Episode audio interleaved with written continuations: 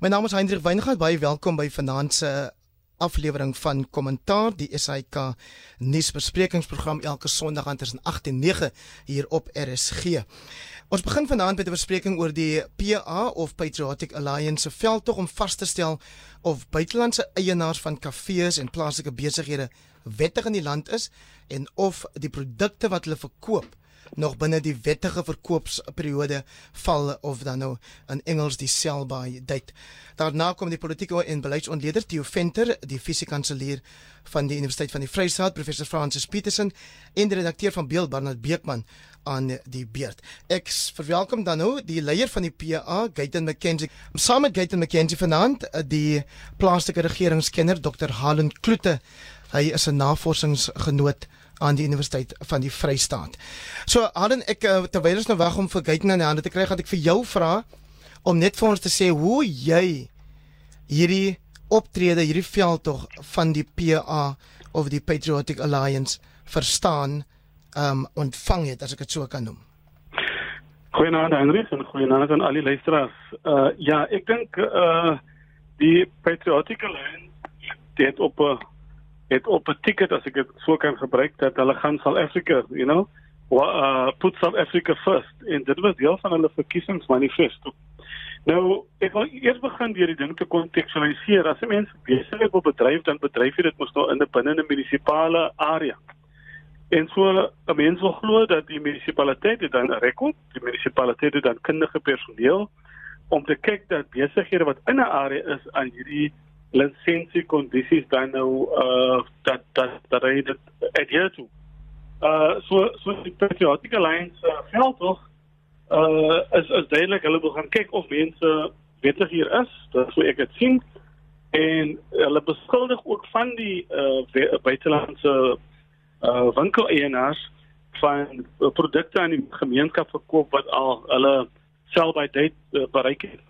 En so dit is dit is eintlik selfs onaanvaarbaar. Jy wil nie uh mense wat al klaar so weerloos is in die in die uh townships hulle nog blootstel aan ook sulke praktyke nie. So Hallo? Ja, ek luister, jy het nou die afgelope week gesien dat dit nie die PA gekeer om op te optog te hou na van hierdie winkels nie. Waar is die staat? Waar is die plaaslike regering in so 'n situasie? So soos ek nou net gesê het, ek dink die, die rol van plaaslike regering is om te reguleer. Die rol van plaaslike regering is nie om uh, besigheid self te bedryf nie. En so wanneer ek dan nou 'n lisensie, elke die munisipaliteit het gesondheidsinspekteur byvoorbeeld, so daardie bevoegdheid lê ook by die munisipale uh, op munisipale sfeer om dan nou uh daardie gesondheidsrisiko's en gesondheids te uh, uh klagtes te kan te kan reguleer en dit dan te polis. En so plaaslike regering uh is daarvan beskuldig dat baie keer slaap hy op die job. En so die PA dink ek het 'n geleentheid daar gesien om dan nou uit te wys die onvermoë van party plaaslike regerings om behoorlik te reguleer. As as jy sê dat dit uitgewys uh, my vraag was eintlik ehm um, het jy enige reaksie gesien sê nou maar van ons nasionale departement van plaaslike regering? Nee, doodstil, doodstil. Mens kan dit nie verstaan nie. Ek kan dit verklaar nie. Hoekom hoekom daar die stilte is? Soos ek gesê het, plaaslike regering, dit is dit is sy bevoegdheid. En so as uh, uh die Patriotic Alliance uitwys hier en hier is winkel eienaars wat een onwettig is, hier is dan is dit 'n affairs issue.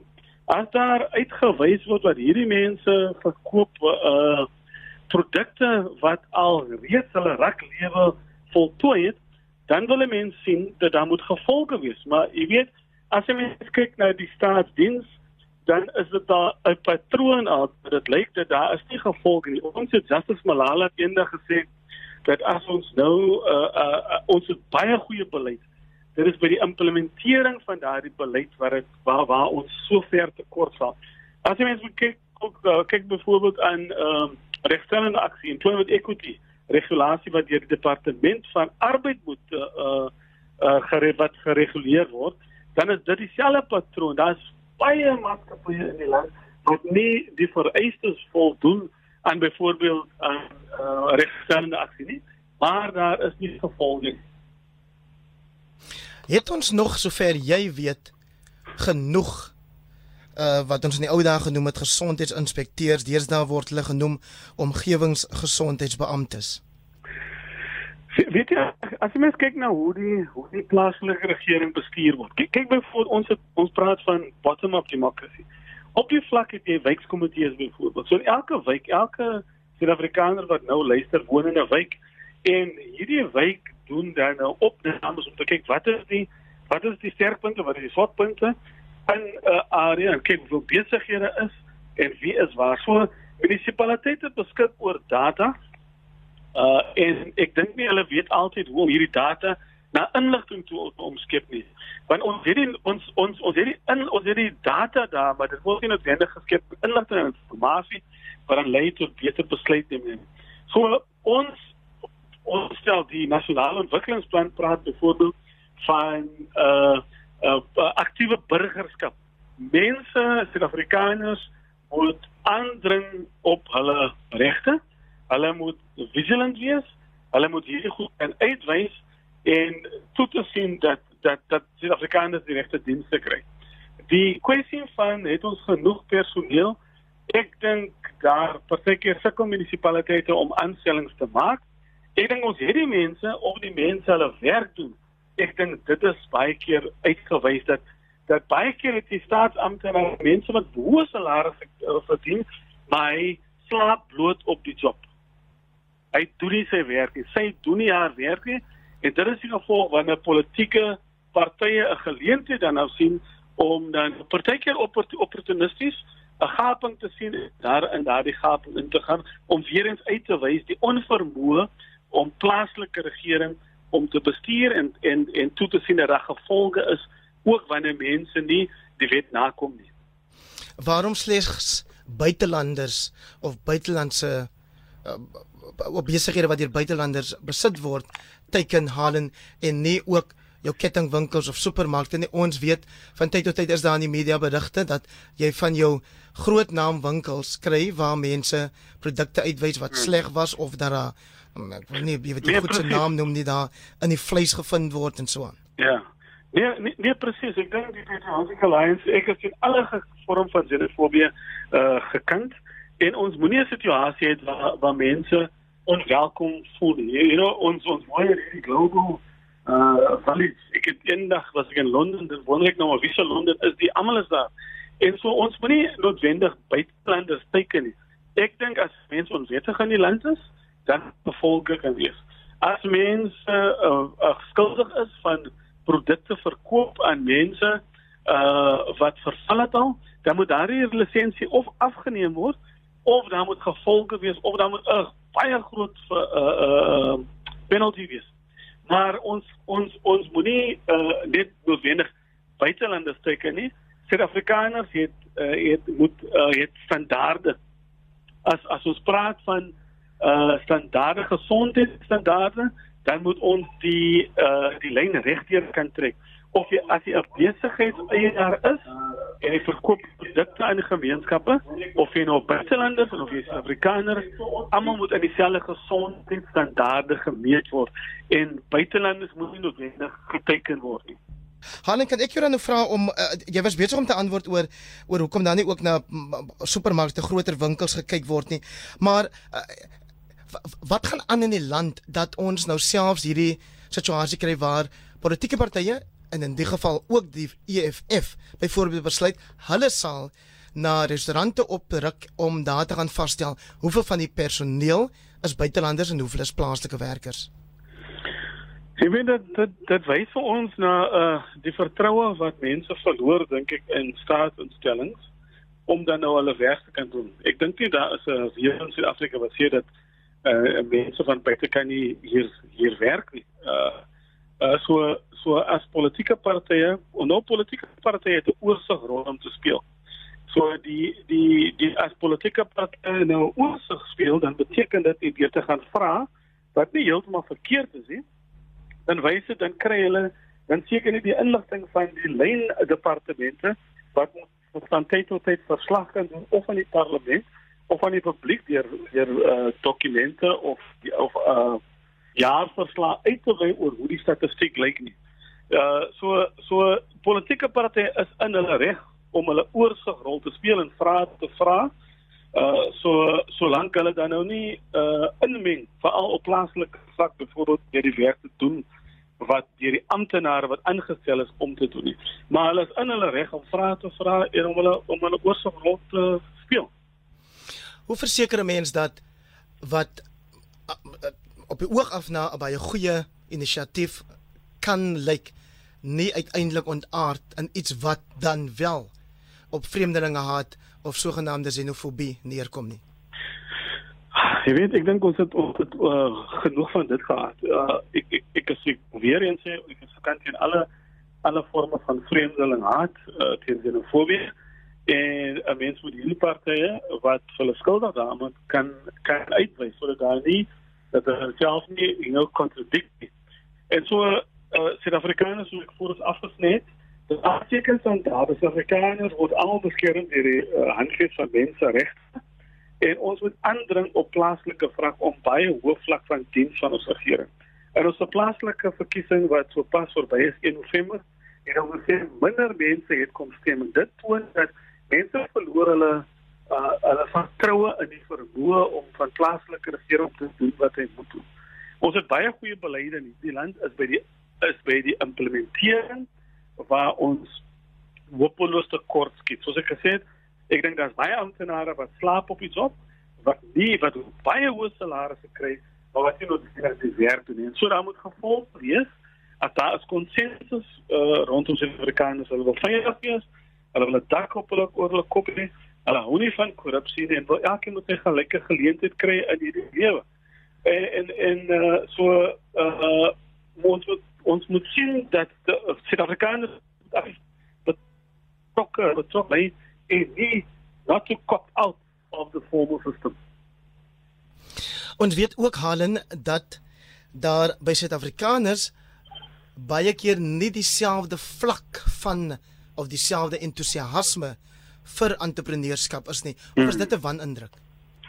Man, ek ek ek dink daar daar is 'n persepsie. Ek het ek het nog gesien, ek het persoonlik gesien die werksetiek. Ek dink die werksetiek van die van ons medebroers en susters van die res van Afrika is is net op 'n ander vlak. Ek het byvoorbeeld 'n uh, 'n uh, buurman ben van my wat hy het hier gekom met niks. Hy het begin werk as 'n sekuriteitswag by een van die groot kettingwinkels vandag is hierdie man deur net sy werksetiek is hy hy seker as hy 'n bestuurder by een van die groot eetplekke. 'n Ander uh, persoon wat ek ken, bel my die ander dag. Hy is van Ghana, hy sê vir my, weet jy nou net so pas sy tweede werk verloor. So hy ek moet gou van iets om kan sê, gaan by my uitkom. Hy soek gewoon net vir 'n tweede werk.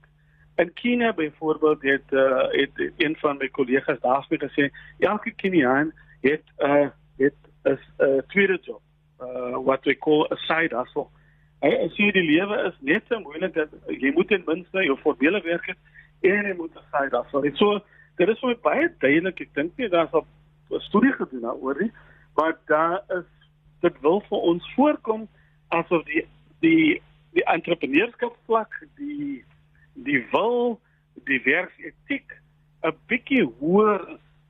Uh dis seker jy hipotese by uh by uh, van die van die werkers met die uh, kollegas met wie ek al gepraat het.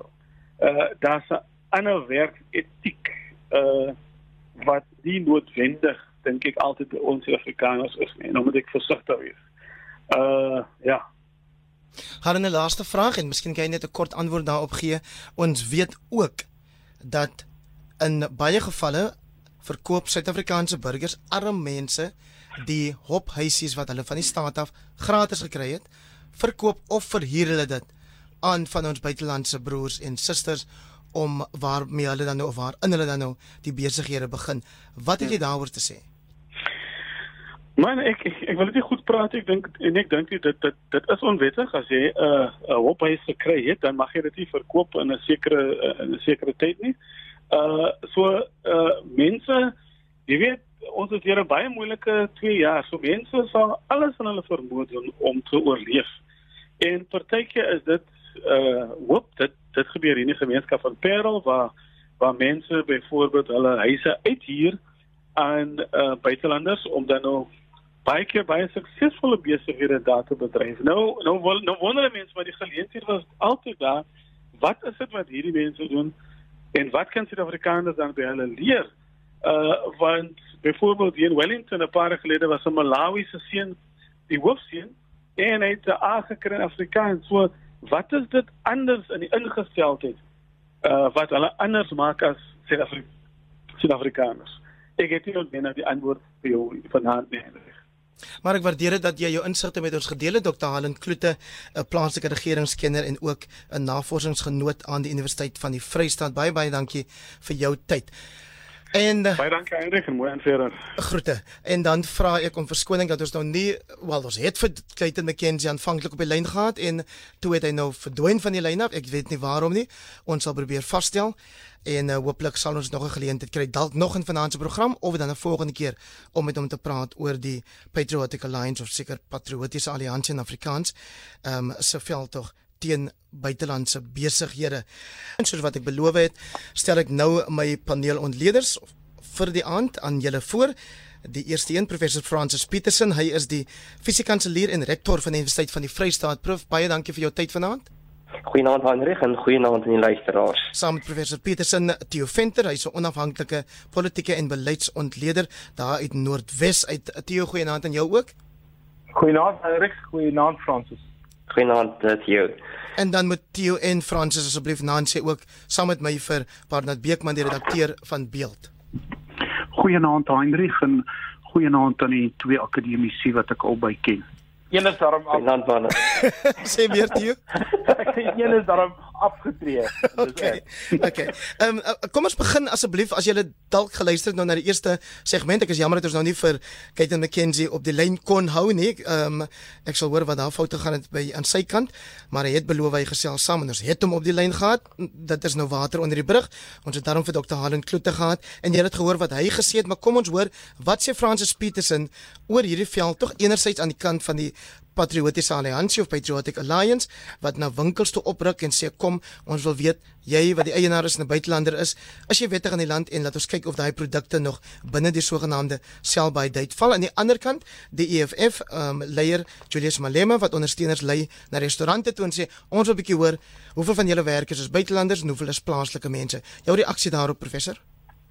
Ja, Heinrich, ehm um weet dit kan net nie gebeur dat uh, dat dat partye en partytetiek en individue uh, opruk na instansies soos uh, uh uh winkels of restaurante toe en reg in eie hande neem nie. Daar is natuurlik uh um, reëls en regulasies en dit moet deurgevoer word deur die deur die relevante uh uh um uh regeringsinstansies.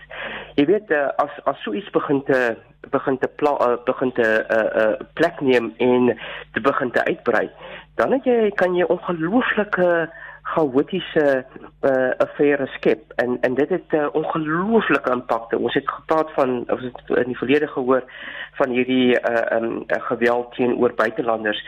En ek het uh, uh, verlede week gesels met van industriepersoneel waar persone wat uh, industrie in in die res van die kontinent het en uh, die druk wat hulle ervaar as gevolg van interaksie soos dit. So nee, my mening is dit kan glad nie gebeur nie.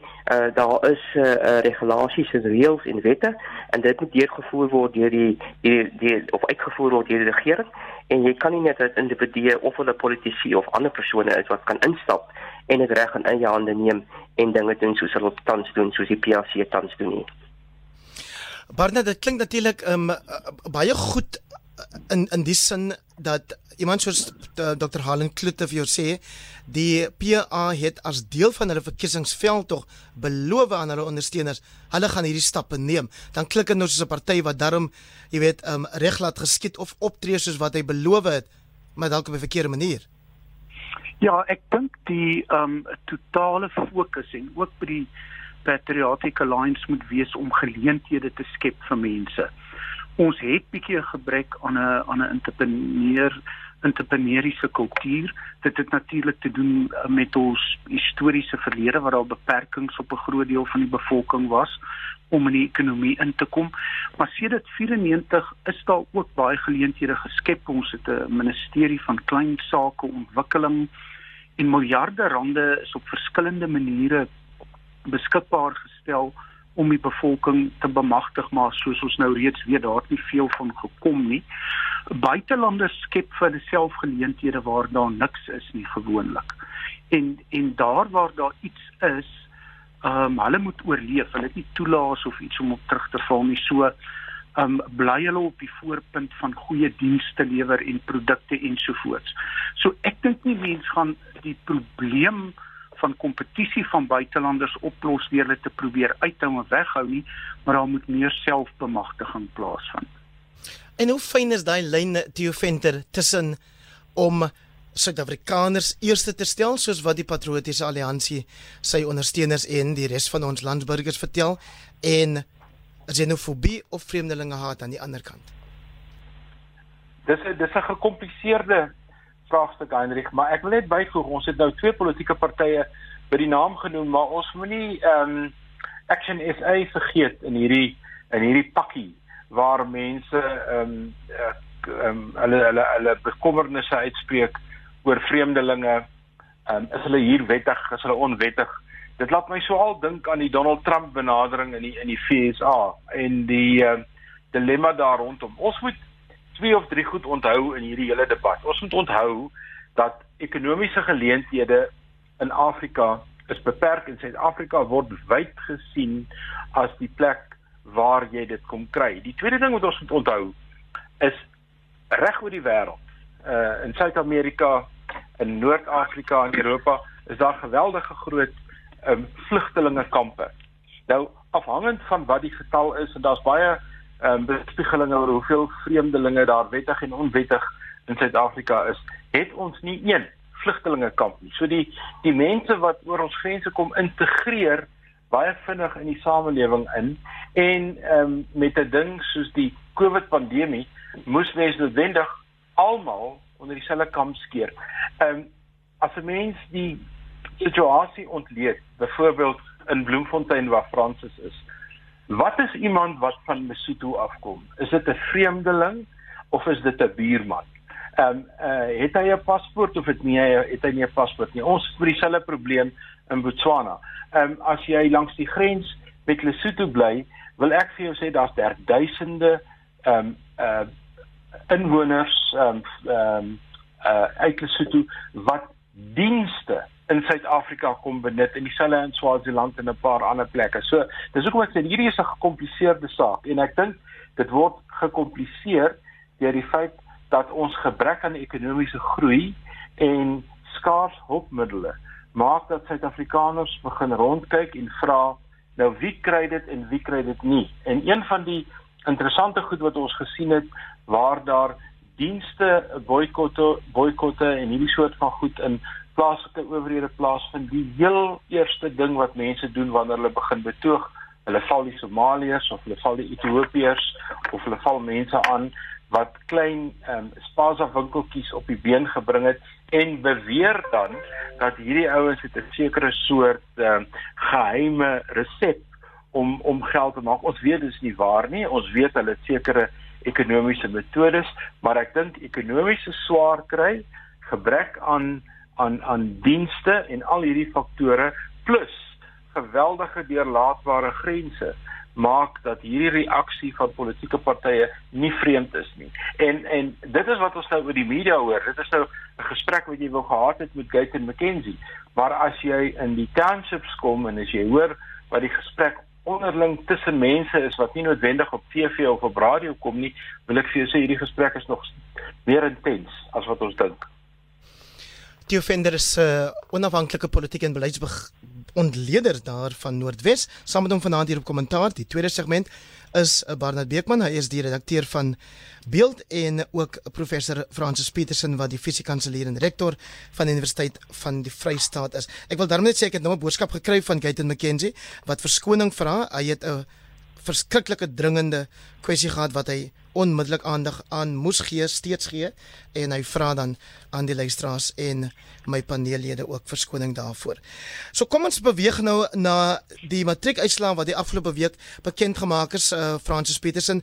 Ehm um, en, en miskien kan 'n mens dit hak aan, jy weet hierdie kwessie van ons word gereeld vertel dat buitelanders uh, kom baie dikwels hier aan met met met beter kwalifikasies of ehm um, dat hulle onderwysstelsels in hulle lande hulle toegerus het om na hulle self te kan omsien wanneer hulle in 'n vreemde land beland. En hierdie week het ons ons uitslae gesien. Wat was jou reaksie toe jy minister Enje Motshekga hoor praat? Wat was dit donderdag middag? Vry ja, donderdag middag. Ja. So so handig nee, eh, ek moet sê ek was uh, ek was nogal verblydend uh, verbaas uh, uh, oor oor die uitslaa, maar ek wil op hierdie stadium seker net in eerste plek baie geluk sê aan al die al die leerders en ouers en onderwysers en en ook aan die aan die leiers die die die die ehm die persone wat in hoof staan van die van die onderwysdepartement in die verskeie provinsies. Ek weet hulle het baie hard gewerk. So uh die, die afgelope 2 jaar was maar 'n baie uitdagende jare, 'n 2 jare wat baie onderbrekend was uh, en uh, met 'n slaagsyfer van van 76.4% wat ek dink punt 2% hoër is as aan, aan as uh, 20 2020 uh is dit is dit nogal is dit nogal goed. Maar maar ek dink om terug te kom na jou vraag toe uh um Heinrich is dat ek dink ons moet nie uh um weet in die slag uh eister trap om te dink dat as jy nou baie uitstekende uh matriekslaagsyfer het dat ons onderwysstelsel is uh, is is 'n uitstekende onderwysstelsel. Daar is nog ontsettende harde werk wat gedoen moet word. Ek dink die tydens hierdie periode word die oog uh, baie skerp gemik op matrieks uh, wat wat wat so wat ook goed is. Maar ek dink dit vat weg van die onderliggende uitdagings wat ons het in die matriek uh, in die in die onderwysstelsel. So uh um as ons as ons dit vergelyk uh, met al verskillende uh uh um um tipe van komponente wat vergelyk word op uh, op basiese onderwysvlak tussen lande in terme van hoe sterk ons onderwysstelsel is en daar val ons baie baie ver te kort. So 'n baie hoë of 'n relatiewe goeie slaagsyfer uh um, baie meer persone wat of matriek wat wiskunde en fisiese wetenskap geneem het. Maar um, maar ek dink ons moet hard werk aan die grondslagfases uh spesifiek in graad graad 8 en 9 ehm um, ook ons uh, soos ons uh, early childhood development as ek die Engelse Engelse woord kan gebruik uh sodat ons die stelsel kan omskep in 'n baie goeie stelsel. Maar ek wil nie wegneem van die resultate uh wat uitgekom het in die in die in die matriek nie, maar ek dink die die tipe van van van die impak van van die matriek en die relevantie die kwaliteit hoewel ons nou Omalusi het wat 'n baie goeie ek dink gehalte versekeraar is uh en en baie sterk gelei word deur professor John Volmink. Hy maak nou klaar hierdie jaar. Uh is uh, gaan ons eintlik die toets weer staan wanneer hierdie uh uitkomste van van die basiese onderrig instap in die hoër onderrig uh, uh wat wat wat van nou af begin en dan kan ons kyk hoe die kwaliteit daar fisies lyk. Maar oor en oor ek dink moenie matriek slaagsyfer verwag met die kwaliteit van ons onderwysstelsel nie wat nog ver te kort skiet. En so ampertjies Barnard Beekman kon julle nie die uitslae hierdie jaar publiseer nie totdat Afriforum Marula Media en 'n matrikulant hof toe gegaan het om daai besluit deur die regering om te keer. Ja, afhandelik, dit is eintlik so 'n bietjie 'n sy kwessie. Uh die kwessie van die Popeye wet uh, wat ehm um, dit verbied dat jou inligting sonder jou toestemming uitgaan het uiteindelik nie voor die hof gedien nie daarom het die departement dit nie teen uh, gestaan nie wat hier gebeur het was maar net nog 'n voorbeeld van absolute administratiewe onbeholpenheid en onbevoegdheid. Ek dink die minister is bietjie deur haar departement mislei oor die kwessie. En dis ook dit lyk vir my die departement het 'n goeie advokaat aangestel en hy het sommer baie vinnig vir hulle gesê julle beter die handdoekie ingooi of julle gaan verloor.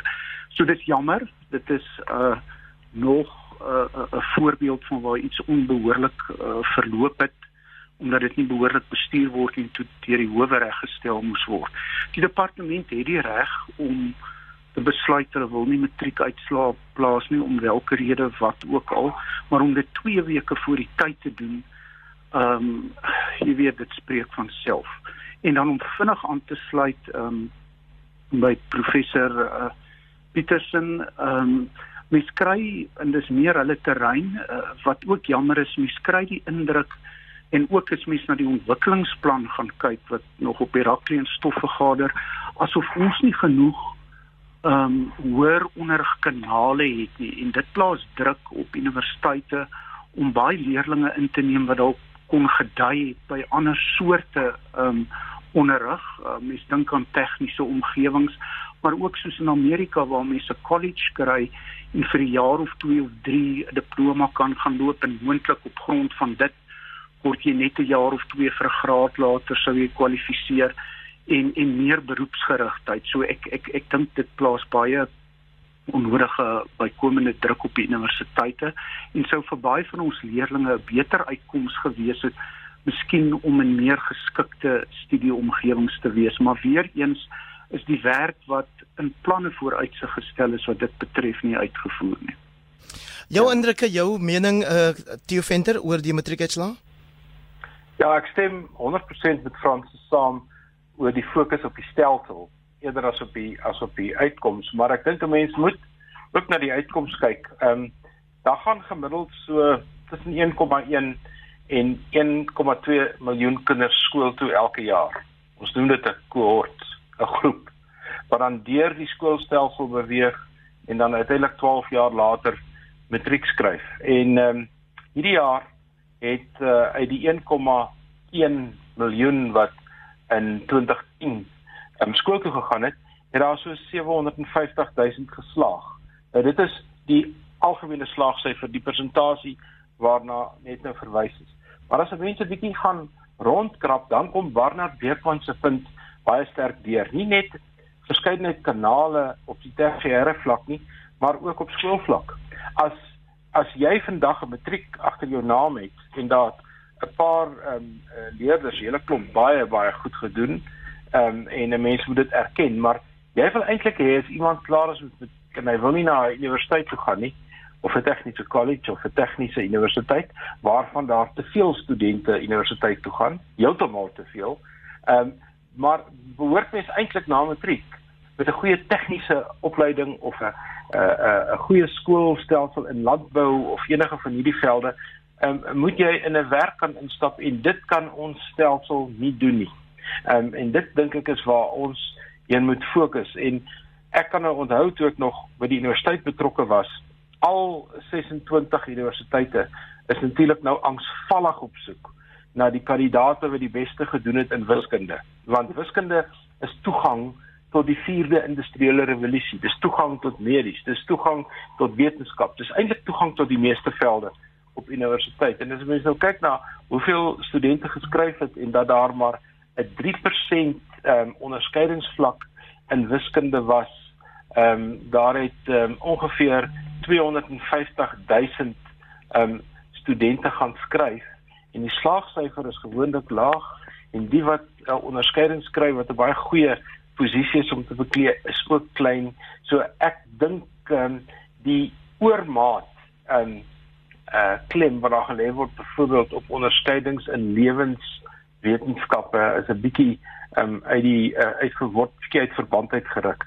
Ek dink ons uh, ons stelsel moet baie aandag kry. Die laaste punt wat ek wil maak is ons is al 'n paar keer gewaarsku deur die Wêreldbank en deur die IMF e dat ons te veel geld spandeer aan onderwys. Dit is nou sekondêre en tersiêre onderwys. Dat dit meer as 20% van ons begrotingskoek uitmaak en die die afsnysyfer volgens hulle behoort 17% te wees. So ons spandeer 'n enorme hoeveelheid geld en ons uitset is nie in in in lyn met die hoeveelheid geld wat ons spandeer nie en ek dink dit is wanneer ons sê die stelsel funksioneer nie soos hy moet nie. Dit is wat ons eintlik na verwys.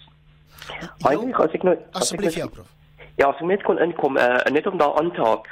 Ehm um, ek weet uh, met die matriek wat nou geslaag het is uh, as ons kyk nou net na universiteits uh, um, spasies wat beskikbaar is is daar beraam dat vir elke een vir elke ehm um, sewe matriek is daar een spasie tussen ons 26 universiteite beskikbaar. So die kompetisie is redelik sterk, maar dit kom neer op ons op ons postskool uh, omgewing. Ons het 'n baie baie skewe skewe fokus op universiteit soos uh, by die FU en Barnard nog verwys het.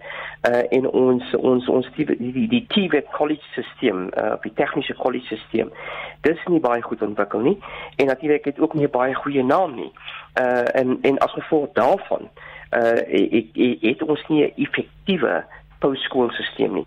En as jy dit natuurlik nou gaan koppel aan uh, aan ekonomiese groei, aan die beskikbaarheid van werk, uh as graduaan die klaar maak, dan het ons 'n totale totale ander debat. So ek dink die vraag op die oomblik uh, op die op die lippe van van baie persone is hoe gereed is die hoër onderwysstelsel uh um uh, in 2022 om hierdie matrikulante te akkommodeer in die mees effektiewe manier en hoe word hulle ondersteun? So ek dink uh, um vir my ek dink hulle is is is goed gekeer as ek dit die Engelse woord kan gebruik.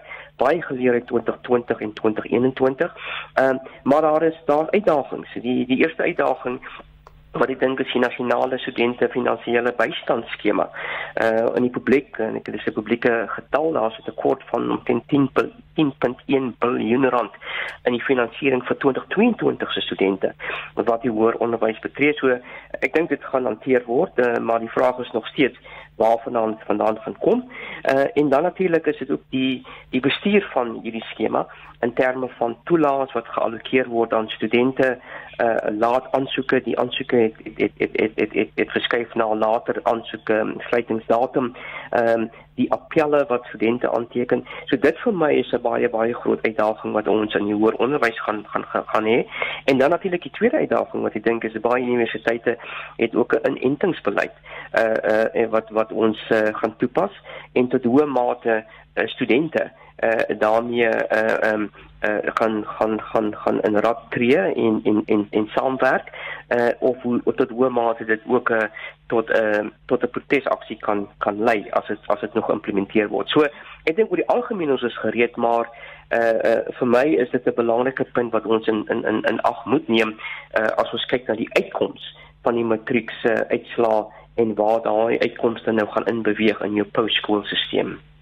Barnard, ek weet jy het gesê dat die kwessie van of die uitslae gepubliseer moet word of nie is vir jou soort van 'n 'n sy kwessie, maar ek is tog geïnteresseerd om te weet wat jy dink van hierdie uitlating deur professor Petersen se voorganger Jonathan Jansen dat die rede waarom Afriforum toegetree het tot hierdie kwessie is omdat die matriekuitslae en ek gaan dit nou uit Engels uit probeer vertaal, 'n soort van die laaste vertoonvenster vir wit oorheersing 'n 'n manier om te sê ons is nog hier. Uh, hy is natuurlik professor Jansen is geregtig op sy standpunt en uit 'n sekere perspektief mag dit dalk so ervaar word.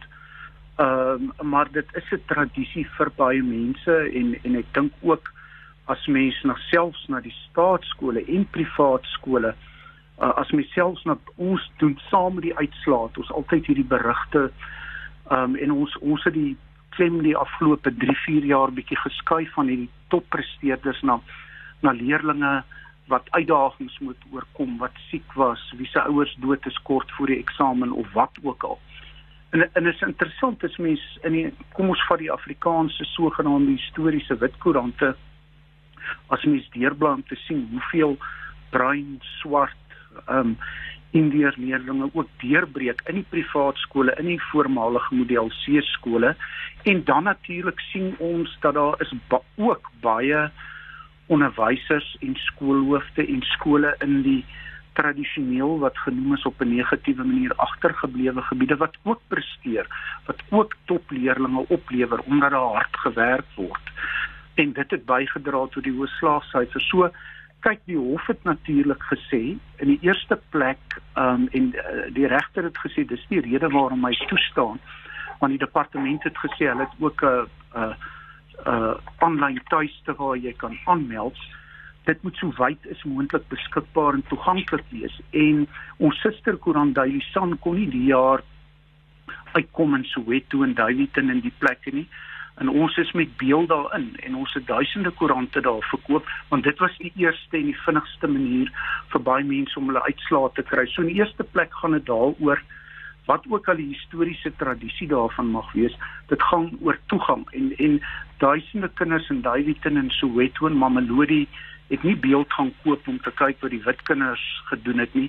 Hulle het hulle nommer gesoek op die bladsye om te weet of hulle deur is. So so dit is aan die een kant 'n soort van taktiese meganistiese proses en en dit bly ook tradisioneel vir alle leerders Ehm um, almal doen nie ewe goed nie, maar vir een ouetjie om deur te kom is 'n groot ding en hy wil dit graag vier. Ehm um, en en en dit is so 'n bietjie deel van die tradisie om dan nou maar saam te trek daar rondom. So ehm um, en en dan die ander ding is is is is ook maar net uh natuurlik daar is uh steeds agterstande en dit het ontstaan weens historiese agterstande waarna uh Jonathan Jansen verwys maar dit vat nie weg dat daar ook in baie van die tradisionele wit skole inderdaad hard gewerk word nie. Die een voorsprong wat daardie skole het bo en behalwe histories is dat hulle onderwysers is elke dag in die klas. Hulle gaan woon nie vakbondvergaderings by nie. So dis 'n voorsprong ehm um, wat uh, kinders dan nog steeds het wat dalk nie iets te doen het met met voor 94 nie. So professor Jansen moet dalk na 'n wye spektrum redes kyk en en en faktore maar maar ek dink uh, dit gaan al reeds baie wyer as wat hy probeer voorgee. Ons het so 12 minute oor van vanaand se program, so ek gaan julle al drie vrae om te kyk of julle bietjie korter kan antwoord. Ehm um, my gaste vanaand, die laaste stem wat jy gehoor het, is Barnard Beekman, redakteur van Beeld, saam met hom professor Francis Petersen, direkteur en fisiekanselier van die Universiteit van die Vrystaat, en saam met hulle twee Theo Venter, onafhanklike politieke en beleidsontleder wat vir ons nou gaan sê of hy reken minister Lindiwe Sisulu het hierdie week gedryf of geslaag. Ja, dis 'n dis 'n goeie metafoor wat jy hier gebruik. Ek dink sy is in die klas, sy bly in die klas, waar sy staan in die hoekie. Ek ehm um, die die ANC het 'n vreemde manier om hierdie goed te hanteer. En dit was dit op 'n indirekte wyse. En as ek nou kyk na die president se brief van maandagooggend en ek kyk na die NUK vergadering wat plaasgevind het en ek en ek luister na uitgelekte bronne rondom die nasionale werkskomitee, dan is dit duidelik dat daar 'n 'n felle debat was oor haar posisie in die ANC, maar getrou aan sy styl, dink ek is um, ons president iemand wat baie moeilik ehm um, reguit en direk iemand uh, soos Donald Trump, as ek nou sy naam weer 'n keer kan gebruik in sy bekende program You're Fired. Ek dink nie hy doen dit nie.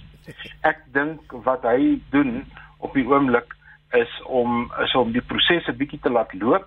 En as ek moet 'n punt toeken aan Lindiwe Sisulu sal ek vir haar 3 uit 10 gee vir die eenvoudige rede dat as jy 'n veldtog beplan wat uh volwassenheid moet bereik so rondom die 16de 17de Desember vanjaar met die leierskapsverkiesing dan het jy bietjie vroeg weggespring. En as jy as jy 'n maraton wil hardloop en jy begin vinnig dan gaan jy dit nie maak nie en dit is maar hoekom ek dink uh, ek dink sy het hierdie ding verkeerd aangepak. Behalwe dalk uh, professor Francis Peters en jy is daar in die geboortestad van die ANC Bloemfontein. Lindy Wesesole word ons vertel is immers deel van die ANC adelike stand. Ja. Ja, nee, ek ek ek stem saam daarmee. Uh weet ek is uh um, maar ek dink vir my op die op op die op die oomblik ek die manier hoe sy dit hanteer het uh, is is is is absoluut vir my bietjie uh, uh was nie was nie wel weer dag nie. Ehm um, ek sien saam met sy dink sy het bietjie te vinnig weggespring. Uh ehm um, maar ek dink ek dink Ramaphosa uh uh sou moet optree een of ander manier. Ehm um, ek weet hy het hy het uh, uh soos reg voor genoem hier vir 'n manier om dinge stadig te hanteer uh, en dan ook uh, prosesse en regsprosesse te hanteer uh, te gebruik om tot 'n uitkoms te kom. Maar hierdie fokuspunt uh, is is juist die aanval van die van hierdie regsprosesse uh, in die grondwet. Uh, natuurlik baie geskoei ook oor die aanbevelings wat die sonderkommissie uitkom. So vir my, ek dink met die NIK wat nou die naweek vergader het, uh en en uh, die tipe van uitkomste wat daar uitgekom het en wat ook dink ek wat ander as ander aspekte van die Suid-Afrikaanse politiek betref, uh en ook die uh, ons ons ons ons ons mense as as burgers van Suid-Afrika ver, vereis ons 'n uh, 'n baie ferm optrede hier so gou as moontlik uh, want uh, dit het ook kredietwaardigheid wat terugspeel op hom as president en of jy nou van die adelstand afkom of nie ek dink jy moet 'n jy moet 'n tipe van 'n call maak as ek dit sou kan gebruik so daai term kan gebruik en ek dink dit is nou definitief in Ramaphosa se baan en en ek dink sy sy stadige diplomatie en stadige interaksie uh, tot uitvoering dink ek het ons hier 'n bietjie van 'n verandering nodig. Bernard Beekman, die tipe uitkomste wat uitgekom het uit hierdie NEK vergadering sluit in dat die ANC nou 'n kommissie gaan in die lewe roep wat moet besluit hoe die party moet reageer op die Zondo kommissie na staatskaping se verslag. Ja, te veel te veel kommissies en rade en berade. Uiteraard moet hulle omvattend besluit daaroor. Uh maar dit is dit is jammer dat daardie term gebruik word want dit klink na iets wat net weer eens gaan sit en praat of 'n plek waar net gepraat gaan word sonder veel beleid of uitkoms. Um dit is tog voor die hand liggend. Um uh, die die Zondo-kommissie moet um die laat ek dit so stel die uh, vervolgingsowerhede moet soveel as moontlik ondersteun word om deur die Zondo-kommissie te kan werk en te vervolg wie vervolg moet word en die ANC moet eerder 'n beroep op die tesourie en die minister van justisie doen om daardie instansies te bemagtig om dit te doen maar die rede waarom dit nie gebeur nie en daar nou sogenaamd gedink moet word hoe reageer moet word is omdat baie van die mense wat daarin geïmpliseer word sit in die NK en in die ANC self. So ehm um, uh, want daar is 'n reeds uh, ongelukkig 'n groot misdadige element teenwoordig in die politieke organisasie en en dit lei daartoe dat dit besig is om letterlik voor ons oë uitmekaar te val. Ons mag dalk in een leeftyd sien wat ons gesien het hoe uh, die nasionale party verdwyn het, mag ons dalk sien hoe nog 'n party um, uiteindelik tot sy einde kom al al verdwyn hy nie heeltemal nie. En dit is omdat die morele basis uitmekaar val. En en wat eintlik gebeur is daar word onderhandel nie tussen faksies wat verskil oor hoe ons dit moet hanteer nie of dat daar 'n afsluiting daarvan moet kom of wat ook al nie. Daar word eintlik onderhandel tussen die mense wat 'n skoon en 'n en 'n korrupsievrye samelewing wil hê in die ANC en hulle sit in onderhandel met die oortreders en die ondersteuners van die oortreders om hoe om vorentoe te gaan.